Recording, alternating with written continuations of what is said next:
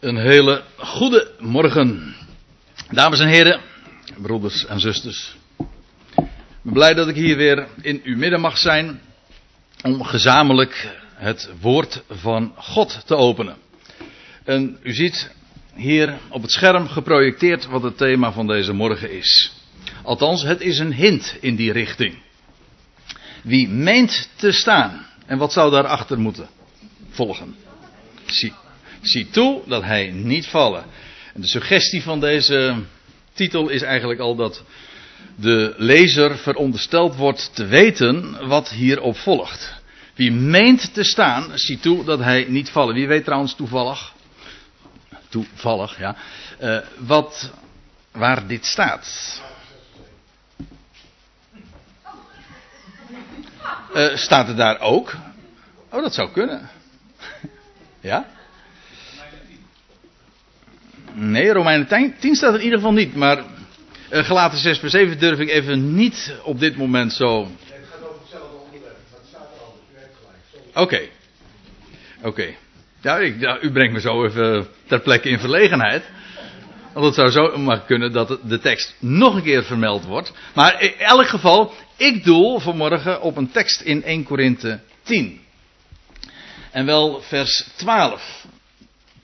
Daar schrijft Paulus dit. En om te beginnen wil ik eens de aandacht op dat gedeelte richten. Maar later zal ik nog naar andere plaatsen in Paulus' brieven gaan. Romeinen, maar ook de Colossense brief. En uiteindelijk ook nog 1 Korinthe 15. En ik heb tot 12 uur de tijd, nietwaar? Hè? Ja, ja. Maar daar, daar ze hier in dit gedeelte het is een conclusie, dat blijkt uit dat woordje daarom. Daarom, wie meent te staan, ziet toe dat hij niet vallen. Nou is het wel interessant om dan te weten wat er hier, uh, waar, waar, dit een conclusie uh, uit is. En wat hier aan vooraf gaat, want, nou moet ik wel goed, ja ja. Ja, nu heb ik hem goed. Aan vers 12 gaat dus vers 11 vooraf. En eigenlijk is dat trouwens ook alweer een, een, een conclusie uit het voorgaande. Maar daar schrijft Paulus dit. Laten we de eerst eens eventjes daarop focussen. Dit is hun tot hun overkomen tot een voorbeeld, tot een type staat er letterlijk, voor ons en het is opgetekend ter waarschuwing voor ons over wie het einde der eeuwen of het einde van de aion, de, de einden der aionen gekomen is. Zo schrijft Paulus. Een wat eigenaardige uitdrukking, dat laatste.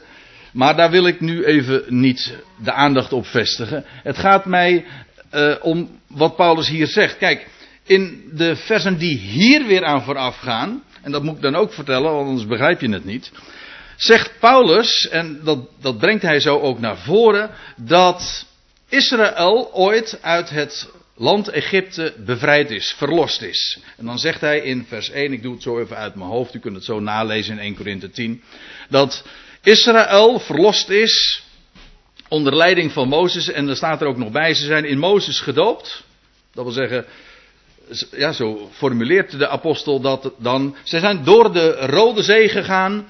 En ze zijn gevoegd bij Mozes, achter hem aangegaan. En ze hebben gedronken, staat er van geestelijke drank. Dat wil zeggen, de Heer gaf hen te drinken. En ze dronken uit de steenrot, staat er ook nog bij. En ze aten van geestelijk voedsel, voedsel rechtstreeks van boven. Brood uit de hemel. En sta, maar dat is wat Paulus dan vertelt. Ja, dat volk dat was verlost uit Egypte. Ze hoorden bij Mozes. Ze aten geestelijk voedsel, geestelijke drank. En er staat erbij, en toch heeft de Heer in het merendeel van hen geen welgevallen gehad. En ze zijn omgekomen in de woestijn. Ze zijn niet aangekomen, gearriveerd in het beloofde land. En dan in dat verband zegt hij, Paulus, dat moet ik er dan ook nog even bij zeggen, hij geeft dan allerlei voorbeelden aan van wat er zo gedurende de woestijnreis is gebeurd. Want wat vond er nou feitelijk plaats? Paulus laat dat trouwens ook in deze versen zien. Hij spreekt in de eerste plaats over het volk dat, ging, dat zich schuldig maakte aan afgoderij. U weet dat, dat begon eigenlijk al heel erg vroeg toen, toen Mozes de berg op was gegaan en om de, de stenen tafelen van God te ontvangen, dan lees je dat hij maar uitbleef. En het duurde zo lang dat ze op een gegeven ogenblik, dat het volk de, het idee kreeg van nou, die Mozes die komt echt never nooit meer terug. En toen hebben ze eh, vervanging eigenlijk gezocht. En, en zo ook nog onder de kwalijke leiding van, hoog, van de hoge priester Aaron, de broer van Mozes, hebben zij een afgodsbeeld, die, die, die gouden, dat gouden kalf gemaakt. Maar allemaal was dat omdat ze niet geloofden in wat God gezegd had. Mozes zou terugkeren. En ze zouden daar gewoon op wachten. Maar ze geloofden het niet echt. Op een gegeven ogenblik, waren het de omstandigheden. En het duurde zo lang dat ze tot de, menselijkerwijs begrijpelijke gedachte kwamen, laten we wel wezen. Dat ze de conclusie trokken van, ja, nou die Mozes die komt echt niet meer terug. En zo vervielen ze in afgoderij.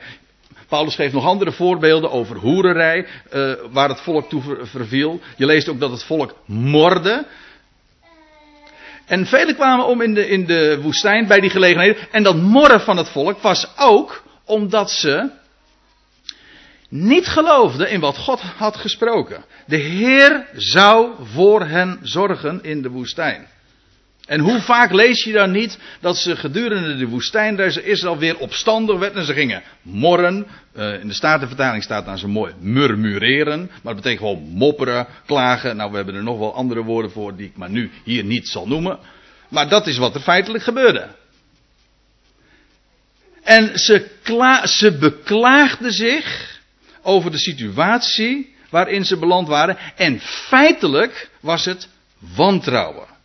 Dat wil zeggen, ongeloof in wat God beloofde. God had gezegd, ik breng jullie in het land. Ik beloof jullie te geven wat je nodig hebt. Alles. Op mijn tijd, op mijn wijze, dat hoeven jullie mij niet voor te schrijven, je hoeft me ook niet na te rekenen, maar ik beloof je dat. dat en zo ging het ook al toen ze voor de grens van het beloofde land waren gearriveerd. En toen zou, u, kent die geschiedenis van de verspieders. Op een andere gedeelte, in andere gedeelte van de Bijbel wordt daar trouwens ook nog op ingegaan. Uh, in de Hebreeënbrief wordt dat uitgebreid ook uitgelegd. Dat de verspieders het land ingingen. En dan lees je dat ze helemaal enthousiast waren over, over, over hoe dat land rijk was aan vruchten, et cetera. Ze kwamen daar terug, maar ze waren tegelijkertijd doodsbenauwd geworden. Want we zijn als sprinkhanen. Die mensen, dat zijn reuzen die daar wonen. En we kunnen het nooit, het, het land en de steden daar kunnen we nooit in bezit nemen. Want wij zijn niet in staat om hen te overwinnen. God had gezegd, ik geef je het land. Ik geef het je gewoon. Ga gewoon daar naartoe. Menselijkerwijs was het zo begrijpelijk dat ze zeiden: Nou, dat gaat niet. Dat gaat niet. Kijk eens wat, wat, voor mensen daar en wat die steden die versterkt zijn. En ook onder leiding van de verspieders, trouwens tien van hen, uh, tien van hen de meeste, die zeiden van nee, dat, dit gaat niet lukken. Ongel de Hebreeënbriefschrijver die zegt ook, als u het mij vraagt, dezelfde als die dit ook heeft opgetekend, Paulus, die zegt, ze konden niet ingaan wegens ongeloof. Alles wat er misging in de woestijn, dat was puur ongeloof. En wat bedoel ik met ongeloof? Het wantrouwen van God en het tegenspreken, het betwijfelen van dat wat Hij beloofd had. En dat ze zich vervolgens schuldig gingen maken aan afgoderij, aan, aan hoererij, en uh, aan dat, dat mopper enzovoort, dat was slechts een resultaat, een gevolg daarvan, een consequentie.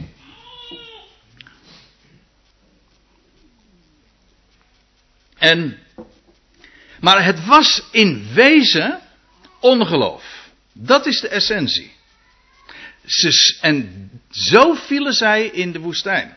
Ze maakten zich zorgen over, dat, over dingen die God beloofd had. En Paulus zegt, dat is voor ons een voorbeeld. U zegt misschien, want dat is de conclusie van, van heel veel mensen geweest, maar is ons heil, is de, dat wat, wat God ons belooft, is dat dan niet zeker? Kunnen wij dan ons heil, onze erfenis kwijtraken? Nee, natuurlijk niet. Er zijn er trouwens vele christenen geweest die wel die conclusie hebben getrokken. Maar als je het mij vraagt, heb je dan helemaal niets begrepen van de genade die wij in hem hebben ontvangen. Dat is namelijk, staat los van onze werken. We hebben dat niet door werken verkregen. En we kunnen het ook niet door werken kwijtraken. Het is namelijk zijn roeping. En als je verzegeld bent met zijn geest, dat wil zeggen door gelovende in hem, geloven in het evangelie, word je verzegeld met zijn geest. En dat is zeker en vast en dat raak je nooit meer kwijt. Juist, het is trouwens feitelijk zo. Op het moment dat je dat gaat denken, dat je het wel kwijtraakt, dan ben je, dan ben je precies uh, in de situatie waar het hier over gaat. Dan sta je niet meer op de belofte. Maar dan heb je gekeken naar de omstandigheden, naar je werken. En dan struikel je, of nog erger, dan wijk je af, dan val je. Wat je kwijt kunt raken, en dat is wel waar, en misschien schrikt u daarvan, maar het is echt zo. Maar als je erover nadenkt, laat ik dat dan meteen even ter bemoediging zeggen, dan is het zo logisch als wat. Wat je kwijt kunt raken en verloren kan gaan, dat is jouw leven hier op aarde. De erfenis is gewaarborgd, absoluut. Verzegeld, Gods stempel staat daarop. Dat hangt niet af van onze werken. Maar wat je kwijt kan raken, is de waarde. Wat je, of om, om het even bijbels te zeggen, je kan de krans, de kroon missen. Hoe?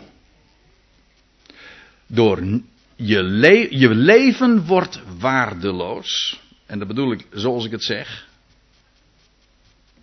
Wanneer je steunt op je eigen werk, op je eigen inzichten, je eigen verwachtingen, je eigen bedenkingen. Laat ik eens even verder gaan, want Paulus zegt dat ook zelf in vers 13 van datzelfde 1 Korinthe 10. Dat is dan nadat hij dus in vers 11 had gezegd: Dit is hun overkomen tot een voorbeeld voor ons. En het is opgetekend ter waarschuwing voor ons over wie de einden der Ionen gekomen is.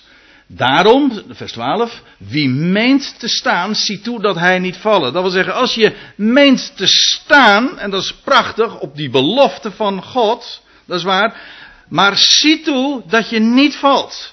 Blijf daarop staan. Dat is zo ongelooflijk belangrijk, gewoon in ons leven nu. Om te staan, we zullen het straks ook gaan zingen, en uh, zojuist heeft Peter het al gememoreerd in zijn gebed. Om te staan op zijn belofte. Het is zo vaak dat Paulus daar de nadruk op legt in, zijn, in al zijn brieven. Blijft staan, standvastig. Sta daarop. Dat is wat anders dan alleen maar weet hebben van hoor. Kijk, als je een gelovige bent, dan heb je weet van zijn genade. Dat kan niet missen. Nou, daarom ben je juist een gelovige. Maar het loutere feit dat je ooit tot die erkentenis bent gekomen, wil niet zeggen dat je daar nog steeds op staat. Je weet er nog steeds van, je gelooft het diep in je hart, maar het kan een waakvlammetje geworden zijn. Nee, weet je wat, er, wat standvastig zijn betekent? Dat betekent dat je erop staat. Zoals wij dat trouwens ook in onze taal zeggen van ik sta erop. Dat wil zeggen, dan ben je met, met geen macht, eh, hoe zeggen ze dat, met geen 25 paarden daarvan af te brengen. Daar sta ik op. Nou, dat is wat Paulus zegt in zijn brieven. Sta op die belofte. In vers, want nou ga ik even verder dus naar vers 13. Hij zegt, jullie hebben geen bovenmenselijke verzoeking te doorstaan. Dat denk je misschien wel. Dat dacht Israël ook. He, dan kwamen ze daar op een gegeven moment in de woestijn. Daar, daar zeulden ze rond. En toen dachten ze: Oh, we gaan nu omkomen door de dorst. Dat is diverse keren gebeurd. Maar is, nee, dat gebeurt helemaal niet. En dan was het die staf van Mozes. En die, en die rots die uitkomst brachten. Ja, dat weten wij nu achteraf. Maar men wantrouwde God. Men dacht dat het misging. Maar het ging niet mis. En ze dachten dat ze voor bovenmenselijke verzoekingen te, dat ze daarmee te maken kregen. Dat denken wij ook zo, zo gemakkelijk. dat, we, dat er dan dingen in ons leven gebeuren. En Of dat nou te maken heeft met, met, met, met het gezin, of met je huwelijk, of met de financiën, of met je gezondheid. Nou gaat het helemaal mis. En dan ga je steunen op, op, op, op mensen. En Paulus zegt, "Je hebt- jullie hebben geen bovenmenselijke verzoeking te doorstaan. God is getrouw. Dat is precies waarom Israël, het merendeel van, van Israël, viel in de woestijn. Ze geloof, ja, ze wisten wel dat God getrouw is. Men zong daar misschien over. Toen ze net uit de Jordaan waren, of nee, de Rode Zij eh, waren doorgetrokken, doorgetrokken. Dan lees je ook dat er een geweldig lied klinkt. Ja, maar hoe gemakkelijk vergeet een mens het weer. Ik bedoel, je kan wel staan, ooit gestaan hebben, dat wil niet zeggen dat je nu staat. Het, eh, staan, dat is eigenlijk een, een dagelijkse zaak. Hè? Je moet elke dag weer opstaan. Dat is een mooie beeldspraak trouwens. Elke dag weer opstaan, opgewekt worden. Zien op hem. En waar sta je dan op? God is getrouw. God zegt, in Filippenzen 4 staat dat zo prachtig, waar Paulus zegt, God zal, mijn God zal in al jouw behoeften naar zijn rijkdom heerlijk voorzien in Christus Jezus. In alles wat jij nodig hebt. In alles wat hij weet dat jij nodig hebt. Hij voorziet daar niet karig in, nee, naar zijn rijkdom. Hij geeft je dat. Hoe? Dat is zijn zaak. En wanneer? Is zijn zaak. Vertrouw erop. God is namelijk getrouw. En sta daarop. En dat was het probleem met Israël. En Paulus zegt van hier in 1 Korinthe 10, dat is ons ten voorbeeld. Mensen gewoon als wij hier in de woestijn eh, verblijven, en dat deze wereld is een woestijn, dan gaat het om één ding. Het gaat echt om één ding. En dat is zijn woord. God is trouw. Hij belooft dat hij voor je zorgt. En je alles geeft. En je denkt soms dat je bovenmenselijke dingen te verwerken krijgt. Dat is niet waar. Dat is juist. Op het moment dat je dat denkt. Dan ben je zijn woord aan het betwijfelen. Weet je dat? God is getrouw. Hij zal niet gedogen dat gij boven vermogen verzocht wordt. Want hij zal met de verzoeking ook voor de uitkomst zorgen. Op, ik zei al, op zijn tijd, op zijn wijze, zodat gij er tegen bestand zijt. Dat wil zeggen, sta op zijn woord. En hij zal je daarin bevestigen. Dat wil zeggen, hij zal bevestigen dat hij trouw is. Het begint niet met zien, het begint niet met voelen. Ik bedoel, opinies zijn er genoeg. En er zijn- mensen maken je van alles wijs. Die zeggen, ja, maar joh, het is, eh, zo makkelijk is het allemaal niet. Dat is altijd trouwens de reactie als je de boodschap van genade. Zo makkelijk is het allemaal. Kan het allemaal niet zijn. En dat geldt ook voor, de, voor ons leven. Dat, wees in niks bezorgd, zegt Paulus. Ja, dat zal maar makkelijk zijn. Je weet niet half wat ik allemaal op mijn bordje krijg. Wees in niks bezorgd. Waarom niet?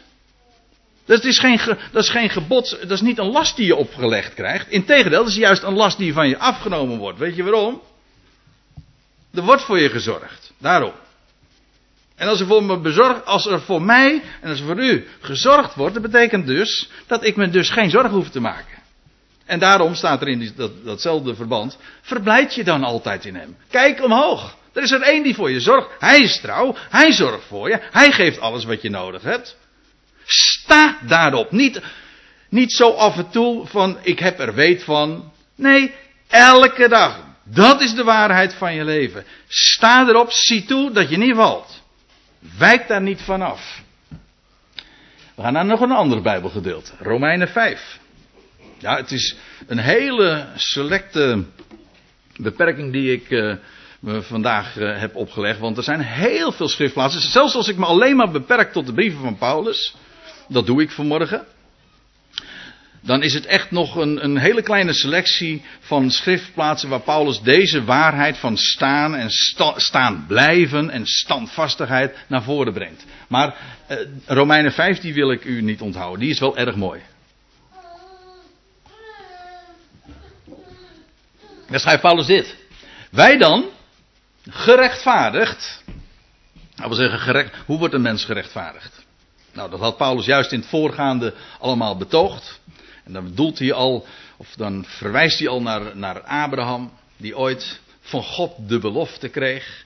En wat zei Abraham toen in de nacht, toen hij al die sterren zag? Hij geloofde God. Het Hebreeuws staat er gewoon, hij zei amen. Hij begreep er niks van. Nee, maar goed, uh, moeten wij God begrijpen? Hij is God, wij zijn maar schepselen. Hij geeft zijn woord. Denkt u nou werkelijk dat de schepper van hemel en aarde, als hij spreekt, dat hij niet bemachtigd is zijn woord te realiseren?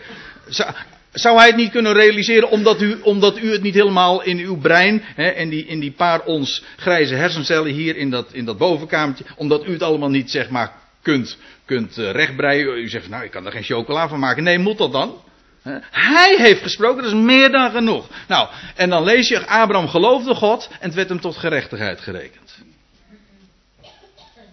God rekent geloof tot rechtvaardigheid. Wie is een, rechtvaardige? Nou, degene die gelooft in zijn woord. Zo, zo rekent God. Een rechtvaardige, dat is iemand die gelooft. Niet, die, niet, niet iemand die werkt, niet iemand die zijn best doet. Nee, iemand die amen zegt op zijn, op zijn belofte. Wij dan gerechtvaardigd, en dat nou ja, wat zit ik nou allemaal te vertellen? Het staat hier gewoon, uit geloof. Wij gerechtvaardigd uit geloof hebben vrede met God. We zeggen, kunnen God zo recht in de ogen zien. Zonder dat we weg hoeven te kruipen. Of dat we bang voor Hem moeten zijn. Wij hebben vrede met God. Wij weten ons geliefd door Hem. Hij is onze Vader. We hebben vrede met God. Door onze Heer Jezus Christus. En nou komt het. Door wie wij ook de toegang hebben verkregen. Dat wil zeggen, we gaan met, met een vrijmoedigheid gaan wij naar Hem toe. En nou komt het door wie wij ook de toegang hebben verkregen in geloof, tot deze genade waarin wij staan. En staat er dan vervolgens nog, en wij roemen op de hoop van de heerlijkheid Gods. Zo staat het er wat preciezer, met die tekentjes die ik erbij gezet heb geeft aan op de, de heerlijkheid van de God. Vind ik zo, altijd zo mooi als er zo'n bepaald lidwoord bij staat. We hebben het niet zomaar over een God, nee over de God. Degene die alles beschikt en een plek toewijst. Dat is de God. En wat hier staat is wij, wij staan in de genade. Wij staan in de genade, dat is mooi als je let op die voorzetsels. Er eh, ja, in de vertaling is het helaas, tenminste de MBG-vertaling, is dat niet helemaal uit de verf gekomen. Maar daarom wijs ik er u eh, bij deze maar even op. Er staat letterlijk deze genade waarin wij staan en wij roemen op de hoop van de heerlijkheid Gods. Dus wij, waar staan wij in? Nou, wij staan in de genade. De genade is de alles wat hij om niet aan ons geeft. En dat wat ons zo blij maakt. Want dat is wat genade is. Dat is alles wat vreugde geeft. Charis, hè, dat betekent eigenlijk ook gewoon vreugde. Wij staan in deze genade en wij roemen op de hoop. Dus het is, we staan in genade en we staan op de hoop. Ja, goh, wat ben ik aan het. Uh, ja, maar ja, dat heb je zo. Als je zo'n thema hebt, hè, dan gaat en je wil het dan duidelijk maken, dan gaan de dingen een beetje rammelen als je, als je echt gaat staan. Hè? En slaan. Maar wij sta, we staan in de genade en wij roemen op de hoop. Als die, als die rotsgrond waarop wij staan. Dat is de verwachting die wij hebben. De verwachting van de heerlijkheid van God. Waar we geen idee van hebben. Maar wat zo mooi is wat Paulus hier zegt. Dat is de positie waarin we geplaatst zijn. Als je een gelovige bent, dan ben je gepositioneerd daar. In de genade. In alles wat hij geeft. En om niet aan ons toevertrouwd. Dat ons bezit is, ook al, al, al weet je het niet. Of al zie je het even niet. Of al voel je het misschien even helemaal niet. Dat is de plaats. En waar, waar het om gaat, is dat we dat elke dag realiseren dat we daar ook daadwerkelijk, gewoon in de praktijk bedoel ik, in staan. In die genade. En roemen op die hoop. Dat wil zeggen de verwachting. Ik was van de week bij iemand, een jonge vrouw. Nou, die is, dat is inmiddels een wrak geworden. Ik ga er de laatste tijd uh, regelmatig naartoe. Uh, nou, uh, net in de 40 en kan eigenlijk helemaal niets meer. Ze heeft een, een hele agressieve spierziekte. En ja, als je naar de mensen gesproken zegt van wat een hopeloos geval. En daar hoef je helemaal geen, daar hoef je helemaal niet, uh, geen mooie verhaaltjes van, van te maken, want zo is het gewoon. Maar dan te bedenken, en ik, we hebben het ook overwogen, zo'n vrouw kan eigenlijk helemaal niets meer, en ze heeft naar de mensen gesproken ook niet eens heel lang meer te leven. En wat een enorm voorrecht is het dan als je verwachting hebt. Hoop. Dat doet echt leven. Ik kan er echt over, voor zover ze nog kan spreken, kan ze daarover meepraten. Want dat is precies wat het leven waarde geeft. Wat je doet leven, doet oplichten. Als je, ja, ter sprake kwam trouwens, uh, ja, niet dit gedeelte, maar wel een andere tekst in Romeinen 5. Dat is een, een live tekst daar in die, in die hele familie. Romeinen 8. Ik, ik ben er zeker van. Dat wordt zo vaak gezegd. Ik ben er zeker van dat het lijden van de tegenwoordige tijd. Ik heb, ik heb er toen nog ook nog op gewezen. Misschien mag ik dat even ter, eventjes terzijde ook vertellen. Dat er in Romeinen 8 eigenlijk nog, nog, staat er nog mooier dan we in onze vertaling hebben meegekregen. En er wordt een beeld van een weegschaal gebruikt. Ik ben er zeker van, zegt Paulus, dat het lijden van de tegenwoordige tijd. En dan staat er letterlijk niet waard is vergeleken te worden met de heerlijkheid die over ons geopenbaard zal worden. Moet je even realiseren. Het is een beeld van een weegschaal. Dus je legt al het lijden van de tegenwoordige tijd. Ik bedoel niet alleen persoonlijk. Dat wat je allemaal uh, meemaakt. En maar gewoon al het lijden van de tegenwoordige tijd. Van deze schepping. En er is wat leed. Daar hebben we geen idee van. Gelukkig denk ik. Bepaalde dingen kan je niet weten, maar je wil het ook niet weten. Dat is veel te veel. Maar Paulus zegt dan: Ik ben er zeker van dat het lijden van de tegenwoordige tijd. Leg het aan de ene kant van de weegschaal. En dan aan de andere kant van de weegschaal leggen we de heerlijkheid die straks geopenbaard gaat worden, als de Zoon van God openbaar zal worden en de schepping bevrijd zal worden. Nou, afijn, daar heeft hij het over in Romeinen 8. Leg de heerlijkheid aan de andere kant, dan is het niet alleen maar zo dat die heerlijkheid doorslaat. Dat vind ik al heel mooi. Dus dat de heerlijkheid meer is dan het lijden. Paulus zegt, het is niet eens waard vergeleken te worden. Zoals je een, aan de ene kant een, een, een druppeltje neerlegt en aan de andere kant een, een grote emmer met water. Dat, dat, is geen, dat is geen vergelijk. Nou, hij zegt, het is geen vergelijk. Het lijden van de tegenwoordige tijd en de heerlijkheid die over ons geopenbaard gaat worden. En dan daarin te roemen, daarop te staan. Dat bedoel ik, hè? Daarop te staan, mensen. Niet alleen maar als een troost, zo van, nou ja, zo af en toe denk ik daar eens aan. En van, nou ja, uh, hierna uh, komt er ook nog wat moois. Nee, het leven begint nog.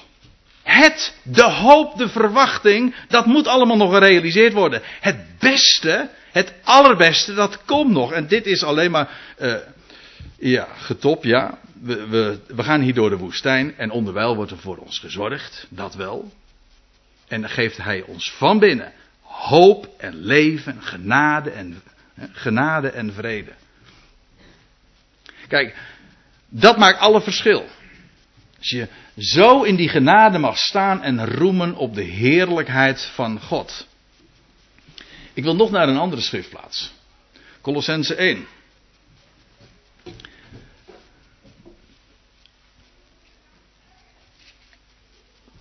Val een beetje midden in dat gedeelte.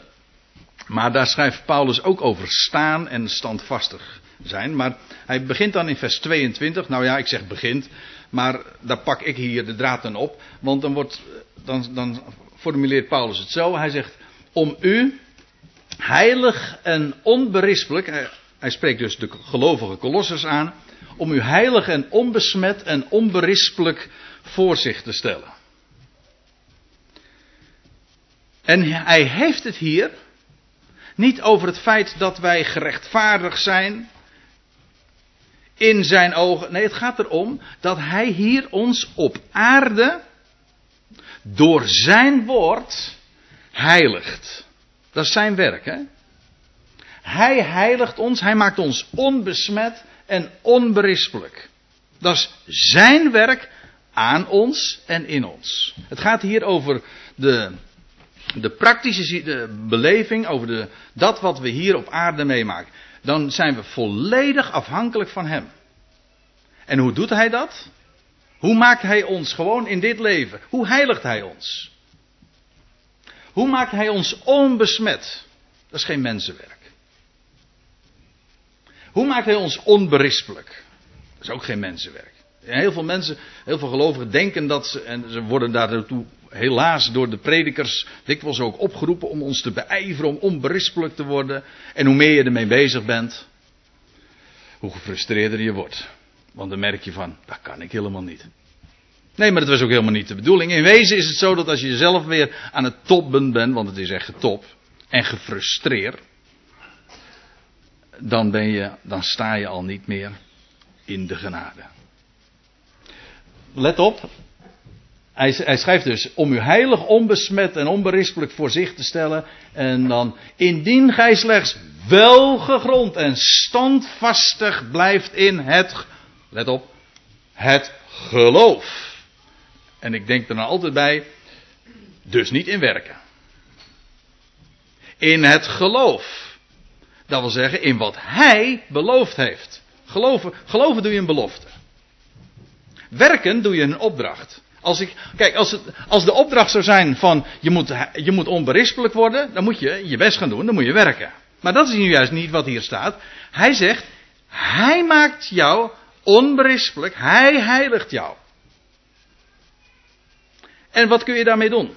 Dan kun je maar één ding doen, en dat is amen opzeggen. Heren, dank u wel dat u dat aan en in mij doet. En dat is precies ook wat hier staat. Hij maakt ons zo als we welgegrond en standvastig blijven in het geloof. En alles van Hem te verwachten. Hij is getrouw. Hij is degene die gesproken heeft. En hier wordt gesproken. De, beeldspraak is. Ik heb een plaatje van een boom neergezet die. Die daar stevig staat, wel gegrond. Hè. En zo'n boom die staat, eh, als die wel gegrond is, dan betekent dat dat hij zijn wortels heeft uitgeslagen in, in, de, in de bodem. En daar zijn voedsel ook aan onttrekt. En dan kan die tegen de stormen. En dan kan die tegen wind van leer ook. En dat al die opinies die op ons afkomen. Maar dat die staat. En zich niet laat afbrengen. Standvastig in het geloof. En er staat erachter. En u niet laat afbrengen van de hoop van het evangelie. Dat gij gehoord hebt en dat verkondigd is in de ganse schepping onder de hemel. En waarvan ik, zegt Paulus, een dienaar geworden ben. Hier ook weer. Dat blijven staan. In geloof. In zijn belofte. En, en je niet laten afbrengen van de hoop van het evangelie. Waar trouwens Paulus in het voorgaande nog over had gesproken. Trouwens op uh, diverse manieren. Maar God heeft zo een geweldige verwachting voor deze schepping. Voor hemel en aarde. En hij door het bloed van het kruis gaat hij alle vijandschap teniet doen. En maakt hij vrede. En hij heeft de schepping, de totale bedoel, puur om niet, hè? Dat is niet verdienste, nee, is puur om niet. Het feit dat wij dat ook mogen zien, dat is omdat onze ogen daarvoor geopend zijn. Dat is genade. Alles is genade. En God zegt, en dat is de hoop van het evangelie ook. Het is niet alleen maar een verwachting met betrekking tot onszelf, tot de gemeente, maar Israël en de volkerenwereld, de hele schepping, hemel en aarde, gaat hij in dat heil betrekken. Geweldig, dat is onvoorstelbaar, ongelimiteerd ook. En God zegt, dat ga ik bewerken. Dat is dat evangelie, die blijde boodschap. Hoop, verwachting. Omdat, waarom? Omdat hij gesproken heeft. En Paulus zegt, blijf daar nou in staan. Standvastig. Laat je er niet van afbrengen. Van die machtige boodschap die ik heb mogen brengen in de ganse schepping onder de hemel. En waarvan ik Paulus een dienaar geworden ben. Nou, dan ga ik tenslotte nog naar een tekst die wij in het verleden dikwijls uh, zondagsmorgens zongen bij het ontbijt, na het ontbijt. 1 Korinthe 15, vers 58. Dat is een van mijn meest favoriete Bijbelteksten, mag ik wel zeggen. Ik vind het een geweldig vers, omdat het een afsluiting ook is van, zo'n machtige hoofdstuk. Waarin Paulus de Corinthiërs uiteindelijk zijn, zijn, zijn verhaal heeft kunnen vertellen. Want die mensen die waren zo druk met van alles en nog wat die ze belangrijk vonden. Maar Paulus wilde ze juist wijzen op de levensvorst en over de overwinningen op de dood. De machtige waarheid van het evangelie. Nou, 1 Korinthe 15. De steen is weggewenteld. De eersteling is, is de overwinnaar over de dood. En zijn overwinning is een garantie. Voor allen die in Adam zijn gestorven. Nou, kijk. Dan zegt Paulus aan het einde van het hoofdstuk. Daarom, mijn geliefde broeders, wees standvastig. Letterlijk staat er, word standvastig. Dat is niet, dat is niet vanzelfsprekend hoor. Maar dat is juist wat ik ook vanmorgen wilde vertellen. Mensen, wie meent te staan, zie toe dat hij niet vallen. Blijf staan in die genade. Laat je er niet van afbrengen. Word standvastig, onwankelbaar. En er staat erbij, ten alle tijden overvloedig in het werk des Heren. Moet je goed lezen hoor. Ik wijs er altijd op, omdat wij met onze religieuze, godsdienstige mindset, zeg maar, zo'n vooringenomenheid, denken van, oh, het werk des Heer, dat is het werk dat wij voor Hem moeten doen, daar moeten we overvloedig in worden. Nee, dat staat er niet. Het werk des Heeren, dat is niet het werk voor de Heer. Het is een, nou ga ik het even ingewikkeld maken, dat is een tweede naamval. Het betekent het werk van de Heer. Dat wil zeggen, het zijn werk. Ziet u het verschil? Het is niet ons werk voor Hem, nee, het is zijn werk in en aan en door ons.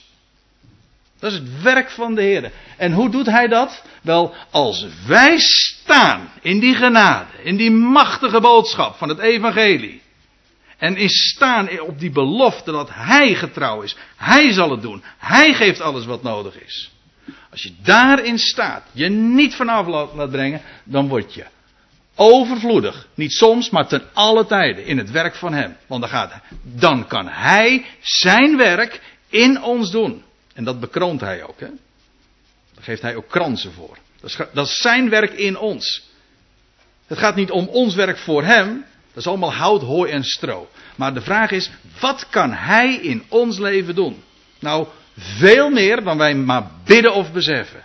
En daar gaat het om, dat we in dat besef s'morgens wakker worden, daarin wandelen. En zo overvloedig worden in het werk van Hem.